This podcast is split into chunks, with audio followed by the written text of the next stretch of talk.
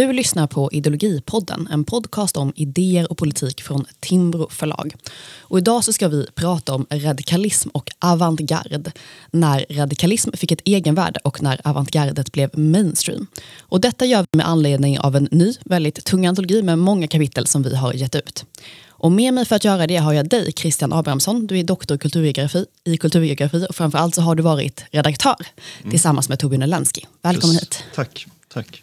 Eh, den här boken kretsar ju kring en 20-årsperiod i svensk historia mellan 1947 fram till 1967. Och för många så är ju ett märkesår eh, som förknippas med begrepp som radikalism till exempel, det är ju 1968. Mm. Varför har ni valt de här två decennierna som föregår det märkesåret? Tanken är ju någon mening att, att märkesåret kanske i själva verket mer än att vara en början på någonting är ett slut. Och att det är de föregående 20 åren som är de riktigt intressanta för att sen förstå också varför 68 blir så viktigt.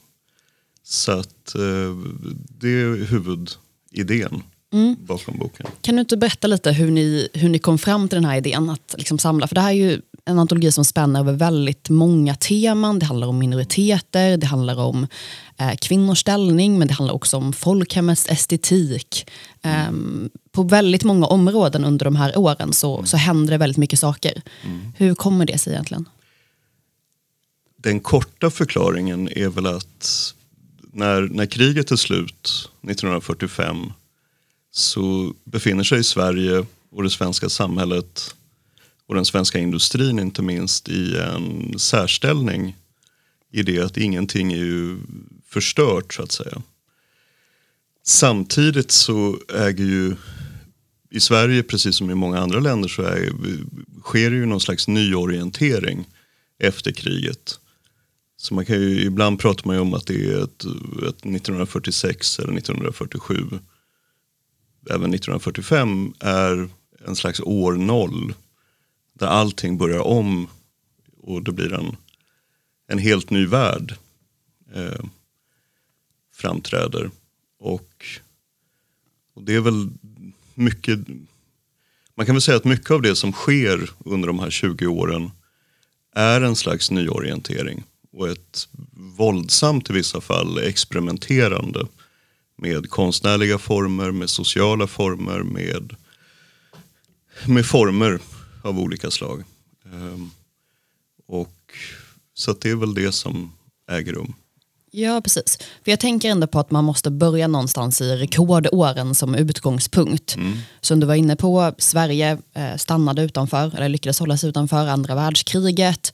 Och sen följer då liksom två decennier av eh, ja, stort välstånd helt enkelt. Mm. Eh, och hand i hand med det här för jag tänker att när man pratar om eh, liksom, den svenska nostalgin eller så, så är det ju ofta rekordåren som man tar som utgångspunkt, det här välståndet, folkhemmets glansdagar om man så vill. Ehm, men en annan sida av det här då, liksom välordnade mönstersamhället, det är då att väldigt, eh, en yngre generation börjar experimentera väldigt mycket, Ehm, man tar sig ganska radikala uttryck i liksom den sociala och politiska utvecklingen. Ehm, hur var de här två liksom förenliga? Alltså å ena sidan det här liksom mönstersamhället och å andra sidan um, ja, väldigt liksom radikala uttryck och experiment som man börjar med under de här åren. Det är en väldigt bra fråga. På sätt och vis, så, alltså en, en sak som du säger är ju också det med rekordåren, det är ju att kurvorna pekar uppåt ekonomiskt och på andra sätt så, så expanderar ju samhället väldigt, väldigt snabbt under de här 20 åren och politiken tar sig in i fler och fler, fler och fler eh, mm, utrymmen. Eh, så, så samhället blir mer och mer planerat under de här 20 åren. Och jag kan ju tänka mig att, att en förklaring till det mer vildsinta experimenterandet inom konstarterna till exempel, är det blir en slags dialektik. Så att experimentet förhåller sig till det här planerade. Så att experimenterandet, skulle jag säga, till viss del beror på, på det. Som en slags, inte protest, men en reaktion på det planerade. Sen så kan man ju säga det också att eh, institutionerna byggs ut. Eh, så att det, det, blir mer och mer pengar. Eh, till exempel inom konstmusiken får, alltså det, det, alla de här institutionerna som stödjer experimenterandet blir rikare och mer, mer alltså de möjliggör eh, mycket mer än vad som var fallet före kriget. Sen kan man ju säga det också att, som några av kapitlen också visar, att, att ganska snabbt så, så kommer en hel del av de här personerna som, som då är väldigt, en, en tydlig del av avantgardet eh, får positioner ganska snabbt. Så det är också en viktig faktor skulle jag säga.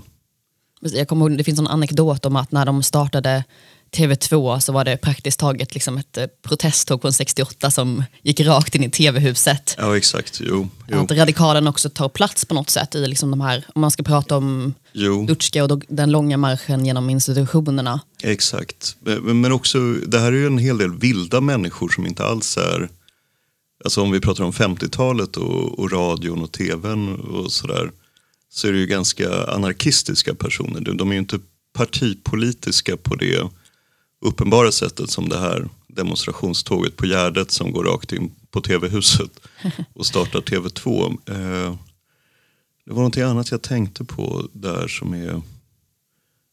Ja, nej, jag kommer säkert på det. Jag tänker att vi kan försöka gå in lite på de här begreppen då, mm. radikalism och avantgarde. Mm. Eh, det, är de, det är det som har blivit titeln för den här antologin. Vad, vad innebär de här begreppen egentligen? Varför fick de symbolisera den här tidsperioden och det här urvalet av texter? Jag skulle säga att det är just, alltså radikalismen är ju någon mening beskriver ett samhälle som är på väg att omstöpas eller som omstöps under den här tidsperioden helt och hållet. Så sexualiteten, könsrelationerna, samhällsplaneringen inte minst, eh, också estetiken som du var inne på eh, och konsten. Eh, så att radikalismen är ju liksom en slags allting flyter begrepp men också ett, ett begrepp där man hela tiden, liksom, som, som ju väl, eller väldigt tydligt kopplar an till avantgardet. Och avantgardet blir ju en slags mainstream som sagt. Där, där man kan se hur, hur det, det som, alltså att alla, helt enkelt livs, de livsmönster som existerar eh, förändras väldigt snabbt. Jo, det var det jag skulle säga. Eh, apropå, för det, det, det, man måste komma ihåg är ju att det här är relativt små grupper. Alltså eliterna vid den här tiden. Så att det var ju antagligen ungefär lika många som tog studentexamen på 50-talet som nu för tiden, eller färre troligtvis, än vad som nu för tiden eh, doktorerar varje år. Så det är ju en relativt liten grupp som, som driver utvecklingen. Men deras syfte eller deras mål är ju att helt enkelt förändra allt i grunden. Så att eh, det är väl det som radikalism och avantgarde symboliserar. Precis, och det här spänner ju, det intressanta med den här antologin är ju att det, det spänner över väldigt många områden. Um, och det handlar liksom både om kanske mer, vad ska man säga, det finns ett kapitel av Silla Råbach som handlar om eh, liksom, folkhemmet, hur liksom, inredningen ungefär revolutioneras. Uh, man går från att ha det här orörda finrummet till eh, mer liksom, skandinavisk estetik. Eh, och sen så är det också liksom en berättelse om kvinnliga artister och hur de mm. blir pionjärer med Sara Leander, Monica Zetterlund och så vidare. Mm. Um, saker som man kanske inte liksom instinktivt förknippar med liksom den politiska radikalismen, uh, utan mer med kulturen. Hur kom det sig att det på så många olika områden kunde ske en sån utveckling? Det är också en jättebra fråga. Jag, jag tror att det har väldigt mycket att göra med erfarenheten av kriget eh, förändrar ju samhället också som man har kunnat se i, ser i alla länder i stort sett att att kvinnor, om vi tar kvinnor specifikt då, behövs på arbetsmarknaden helt plötsligt. Samtidigt så är ju 50-talet en mycket konservativ period om man tittar på, på ideal, alltså hemmafruidealet och så vidare. Så där sker det ju en slags åter, återgång. Samtidigt så är det ju någonting som äger rum som Silla Robach och, och Anna-Lena Lodenius, de två kapitlen som du nämnde, som de behandlar. Och det är ju en slags på samma gång en slags konsumtionskultur som skapas efter kriget. Så helt plötsligt så blir det liksom, eh, så står konsumenten i centrum. Tonåringen Precis, det skriver skapas. Robert ja, bland annat. Eh, och sen också hela idén om man tittar på Sverige specifikt så är det ju en slags folkfostrans ideologi som träder in. Eh, där socialdemokratin blir ju mäktigare och mäktigare under de här åren. Och hela tanken på hur man ska skapa då ja, medborgare kan man väl säga. Eh, stöpa dem i en viss form. Och det tycker, jag, det tycker jag är tydligt i många av kapitlen. Ja, precis. Och jag tänker nästan att det finns en man tänker att det finns en instinktiv motsättning mellan idén om social ingenjörskonst och den här typen av radikalt fritänkande. Men i själva verket så går de ofta in i varandra på många områden. Vad tänker du om det? Ja, de går in i varandra. De, det gör de helt klart. Samtidigt så kan man ju se att en del av det här experimenterandet och det avantgardistiska är en slags, inte revolt mot, men en, som jag sa tidigare, en reaktion mot den sociala ingenjörskonsten. Alltså jag tänker på en, en, en diktare som inte inte är central i den här boken på något sätt men, men Gunnar Ekelöf när han skriver om de folkhemske att, att det är en slags, alltså samhället läggs till rätta under de här åren eh, på ett sätt som många konstnärer och författare eh, och musiker kanske inte är helt nöjda med. På samma gång som jag redan har sagt så, så, så, så, så skjuts det ju till enormt mycket ekonomiska medel till de institutioner som de här konstnärerna kan livnära sig på. Så att det är ju, ja. Precis, du nämnde 50-talet, för den här boken börjar då i 1947. 50-talet som du är inne på tänker man på som en relativt konservativ period. Mm. Eh, det är precis efter kriget. Också kanske en, vad ska man säga, um, lite politisk apati på något sätt. Kriget är över. Um, man förkunnar väl liksom här för ännu en gång i raden ideologiernas död. Um, det känns inte som en så politiserad, politiserad tid. Nej, det, det är det väl på sätt och vis inte. Alltså det är ju det är många av de saker som sker om, om vi tittar på samhälls, samhällsutvecklingen och framförallt den politiska samhällsutvecklingen är ju sånt som man lägger grunden till på 20 och 30-talet. Men som då hindras, genomförandet hindras på grund av att kriget bryter ut 39. Så att då får, går vi in i någon slags krigsekonomi och, och, och det äger inte rum så mycket samhällsförändringar. Men om man tittar då, mitt eget kapitel som, som handlar då om vad jag kallar för teknokraternas genomslag på, på 50-talet så, så är det ju tydligt att mycket av det som man diskuterar i de sammanhangen är en slags radikal omformning av, av, av helt enkelt den rumsliga organiseringen av samhället.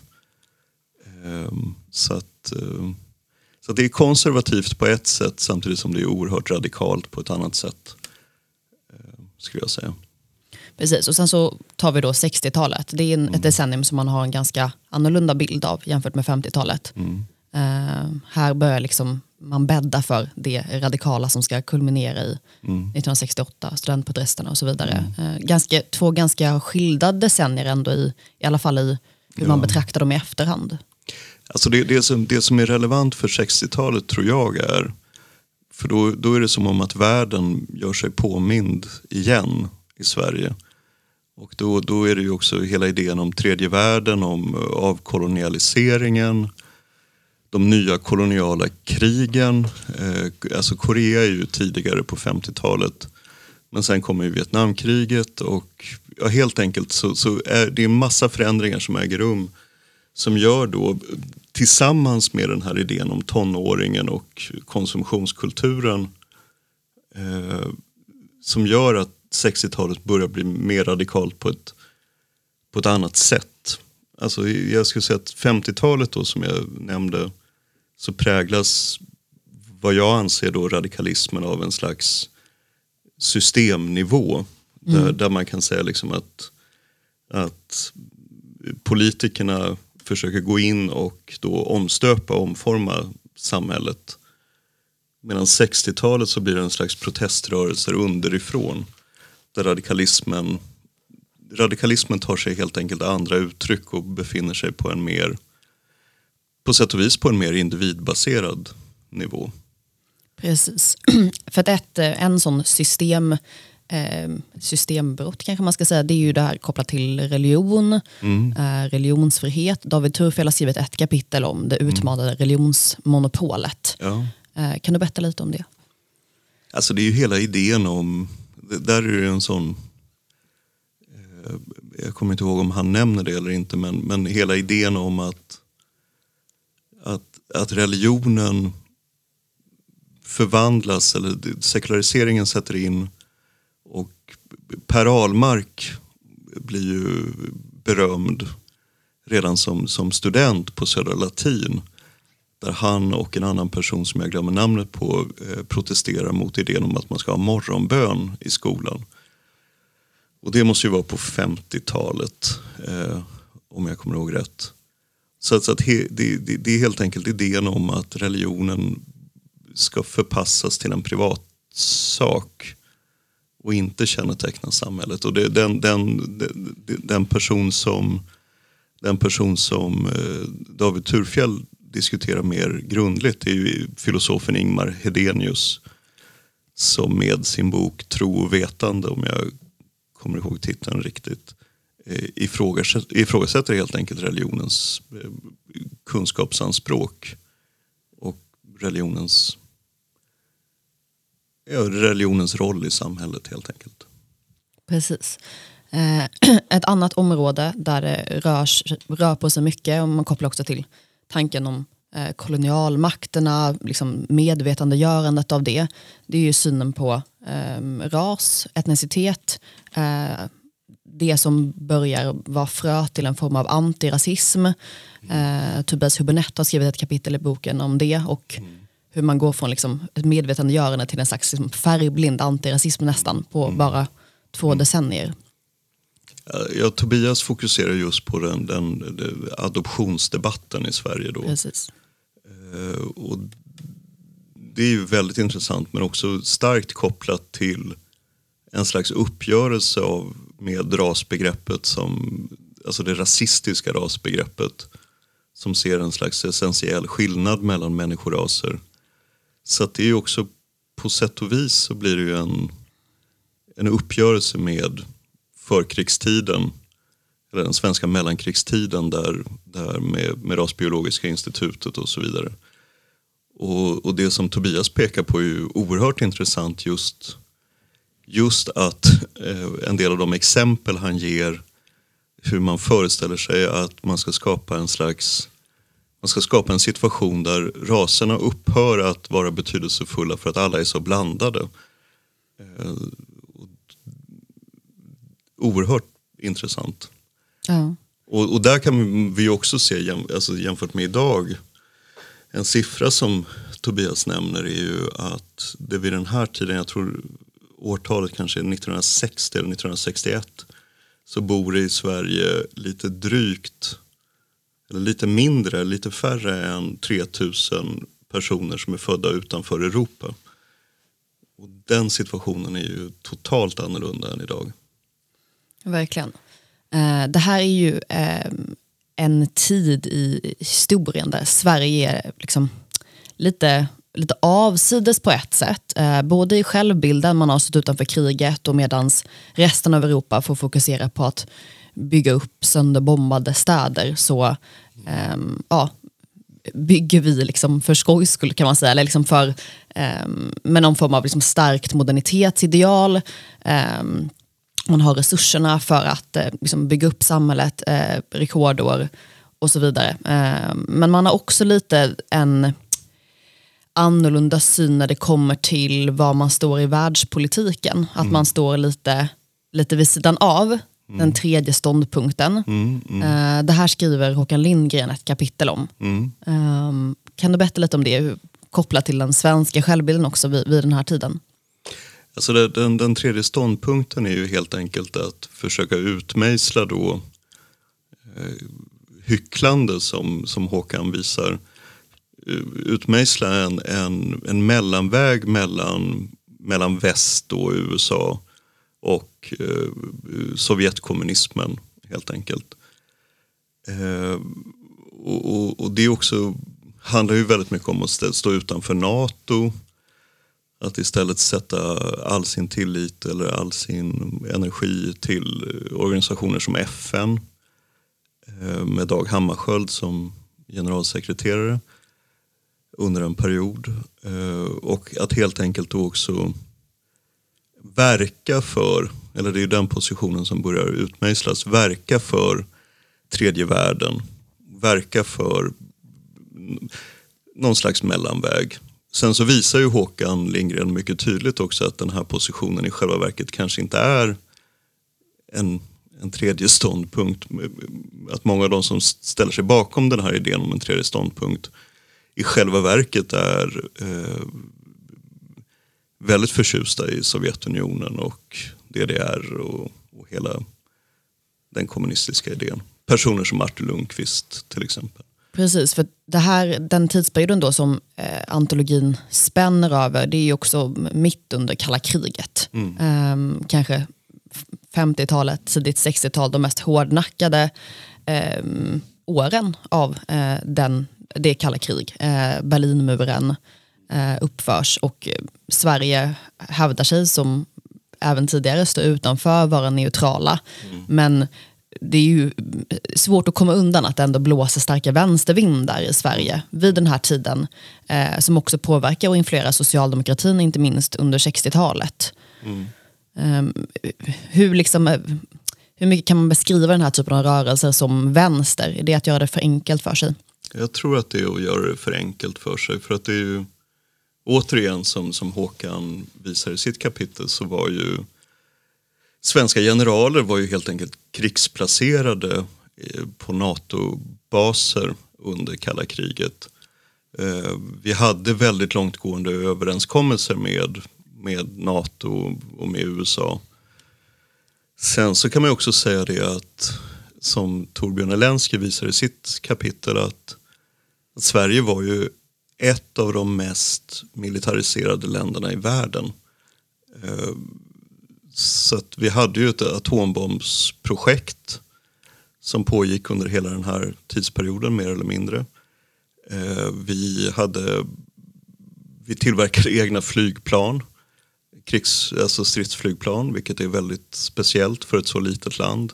Det är också under beredskapsåren kan man säga med mm. väldigt, ja, kanske den starkaste krigsberedskapen i i ja. Europa egentligen. Eh, stora beredskapslager och så vidare. Exakt, och, och jag menar st stora delar av Sverige var ju skydds, alltså vi hade ju skyddsrum för i stort sett hela befolkningen. Eh, berg, alltså, som Jäkneberget i Västerås till exempel där man föreställer sig att hela, hela Västerås befolkning skulle kunna leva i, i, i år. Eh, underjordiska fabriker. Saab hade en, byggd en, eh, en underjordisk fabrik för flygplan i Linköping och så vidare. Så att det var ju, vi var ju inte fredsskadade utan vi var snarast oerhört krigsförberedda under de här åren. Precis, och det är intressant för man tänker ändå sen med 60-talet, 68 att det finns en stark fredsrörelse där, inte minst mm. kopplat till då kanske krig utomlands, Vietnamkriget, mm. går såklart inte att inte nämna. Um, fanns det någon motreaktion mot den här ändå liksom stärka beredskapstanken, militariseringen, eh, värnplikten och så. Eh, var det liksom en del av de här radikala rörelserna eller var det mindre ifrågasatt? Det är en bra fråga. Jag kan inte riktigt ge ett bra svar på det. Ehm, det är klart att det fanns, det fanns ju tydligt motstånd till exempel om vi tar då kärnvapenprojektet som framförallt det socialdemokratiska kvinnoförbundet motsatte sig eh, väldigt tydligt. Ehm, så det är klart att det fanns det fanns ju ett motstånd mot, mot, den, eh, alltså mot upprustningen helt enkelt. Och även då mot den svenska upprustningen. Eh, så är det ju... Det blir tydligt att, att under 70-talet... Eller jag, jag, jag, nej, jag kan inte riktigt svara på hur, hur, hur det ser ut inom vänstern. Men, men just atombombsprojektet är väldigt tydligt ifrågasatt. Precis, och kärn, även kärnkraften sen blir, förblir ju liksom en stark stridsfråga mm. genom 70-talet och framåt. Lite svårt att tänka sig dagens mm. Mm. politiska eh, landskap. Um, det här är ju också mycket en berättelse om olika personer, nyckelfigurer, det är ett otroligt starkt persongalleri. Verkligen. Uh, är det några personer du särskilt vill lyfta fram som, där man ser att just den här individen var liksom betydelsefull för en utveckling på ett visst område? Ja, det, det, det, det, var väldigt intressant när jag satt och gjorde sammanställningen för eh, personregistret till boken. Att, att en person som ständigt återkommer, framförallt inom, i, i den första delen av boken som handlar om, om konstarterna, är eh, Öyvind Fahlström. Han är helt central, skulle jag säga. Och vem var han? Öyvind Fahlström var en konstnär, eller han var han var bildkonstnär men han gjorde också film. Han var, gjorde musik. Han, han är liksom en person som, hans verksamhet är totalt gränsöverskridande. Eh, han var född i Brasilien, så han var ju en av de utrikes, utomeuropeiskt födda personerna då i, i, i Tobias Hübinettes eh, kapitel. Men kommer till Sverige ganska ung som barn. Eh, och sen dör han, han dör relativt tidigt i New York. Eh, och är väl egentligen, skulle jag väl säga, eh, den svensk som är i de här avantgarde-kretsarna eh, den som är mest känd. Internationellt mest berömd. Och det, det lustiga är att jag, jag är inte alls säker på att han var så känd eller berömd under de här åren. Alltså, han blir det i slutet av 60-talet. Mm. Men men under 50-talet när han är verksam i Sverige så, så, så är det väldigt tydligt att han, han, han är oerhört aktiv. Och ja, han, är, han är helt central skulle jag säga. Mm. Jag tänker också att det här är mycket en berättelse om olika böcker, verk, skrifter. Um, finns det några där som man särskilt vill lyfta fram som varit betydelsefulla eller banbrytande under de här åren? Du nämnde Tro och vetande som en bok på mm. religionsområdet till exempel. Ja, den är ju helt central eh, skulle jag säga. Sen så finns det ju en del böcker som inte alls, eller skrifter som inte alls är särskilt kända men som hade väldigt stort inflytande. Som, som jag nämnde, en väldigt liten redigerad skrift eh, som heter Tätorter och omland i mitt eget kapitel det är inte den roligaste titeln, Nej, det kan man inte det, den, är inte så, så sexig den titeln. Men, men, men, idéerna i den lilla skriften som kom ut 1950 är extremt nydanande och väldigt, väldigt radikala. Och som handlar ju just om hur man omformar samhället rumsligt. Mm. Um, men sen så finns det ju, det, det händer ju jättemycket. Uh, det är svårt det är svårt att komma på sådär på, på rak arm någon skrift som får, får en sån, alltså, he, som, som är helt central på det sättet som till exempel tro och vetande. Mm. Ja, den här boken, Radikalism avantgarde, Sverige mm. 1947 till 1967, det händer väldigt mycket. Finns det nå, om man tar, vad händer sen då? Mm. Um, för att den här boken slutar ju då precis innan eh, märkesåret, 68 mm. som vi var inne på i början. Fortsätter det här liksom radikala eller har förarbetet redan gjorts? Man pratar om 70-talet ofta som kanske ett av de mest eh, radikala decennierna.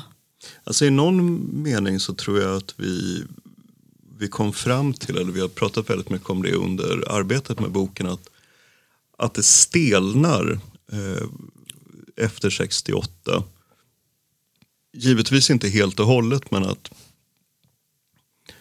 en av de viktigaste sakerna som händer 68-69 och som i själva verket är en, en huvudförklaring till varför studenterna gör, gör uppror är ju att man börjar, som jag sa tidigare, att politiken tar sig in i fler och fler utrymmen. Och under det sena 60-talet och under hela 70-talet så omformar man eh, utbildningssystemen ganska radikalt. Så att fram till 68 så har vi fortfarande ett ganska konservativt system. Vi har kvar studentexamen, vi har kvar betyg på doktorsavhandlingar, vi har ganska litet intag till universitetet. Eh, och efter då 68 så, så faller allt det där. Så helt plötsligt så, så blir det massuniversitet, man tar bort studentexamen, eh, man börjar helt enkelt man börjar omforma det på ett sånt sätt så att, så att den här lilla eliten som har varit relativt begränsad fram till 68 eh, blir plötsligt jätte, jättestor. På något sätt så blir radikalismen folklig, skulle man kunna säga så? Ja, kanske i någon bemärkelse. Alltså, det, det är som om att det, är så, och, det sker ju en hel del andra saker också i början av 70-talet som oljekrisen och, och, och, Vietnamkriget som vi redan har nämnt som blir allt viktigare för, för unga eh, protest, eller framförallt proteströrelser det som jag skulle säga är på sätt och vis att eh, eh när man kommer till det sena 60-talet så, så har man liksom uppnått allting. Eller man har höjt nivån för väldigt många människor. Så att det blir en slags, alltså, eh, inte miss, ja, missnöje kan man kanske säga, men att, att, att förväntningarna kan inte tillgodoses. Eller det är någonting sånt som inträffar skulle jag säga. Mm. Vi ska snart börja runda av, men jag tänker ändå mm. ni har arbetat länge med den här boken, den ligger här bredvid mig, det är en riktig mm. tegelsten. Mm. Eh, något särskilt som förvånade dig som redaktör under arbetet eller någon person man fick upp ögonen för eller så som eh, var av stor betydelse för den här utvecklingen helt enkelt? Alltså det, det, återigen, det, jag, jag skulle säga Öyvind Fahlström förvånade mig. Eh, sen så i en del av de andra kapitlen så är det ju, för boken är ju indelad i tre delar där den första delen handlar just om konstarterna. Mellandelen ska jag säga kortfattat handlar om sociala relationer. Eh, och den tredje delen handlar om samhället i stort. Eh, jag skulle säga att det är någonting förvånande för mig förvånande i nästan alla kapitel. Sånt som, för, för vi, vi hade en väldigt tydlig instruktion till författarna också. att den, eller det var den enda instruktionen egentligen som de fick. Det var att de skulle vara helt fria att försöka det, det, var inte en kartläggning av de ämnena de var ombedda att skriva om. Så att en del författare har fokuserat på små händelser som verkade små i samtiden och som sen har fått ett enormt genomslag. Och där kan jag ju nämna till exempel då Oscar Svarts kapitel om sexualiteten. Om hur, hur, hur eh, alltså, eh, homosexual, han fokuserar just på homosexualiteten. Och hur den börjar liksom eh, ta sig in i offentligheten. Eh, och det blir en slags, alltså det är en fri och rättighetsrörelse som tar sin början i hans kapitel helt enkelt. Som vid, vid den aktuella tidpunkten som han skriver om måste ha framstått som väldigt obetydlig och liten. Men som nu, idag då, eh, nästan 70 år senare, är helt fullgången och någonting självklart. Så det är, det är lite grann det som jag skulle vilja säga. Precis, man kan verkligen säga att det här är en antologi som handlar om många frön som sås under den här perioden. eh, Precis Som så. har haft avgörande utveckling. Exakt så. Eh, Radikalism avantgarde eh, kan vi varmt rekommendera. Eh, tack så jättemycket Christian för att du kom hit och berättade om den här antologin. Tack själv. Och tack till alla er som har lyssnat.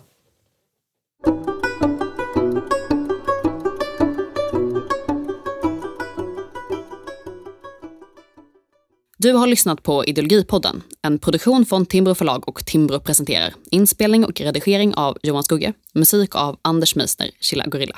Du hittar den här och alla våra andra poddar på timbro.se podcast.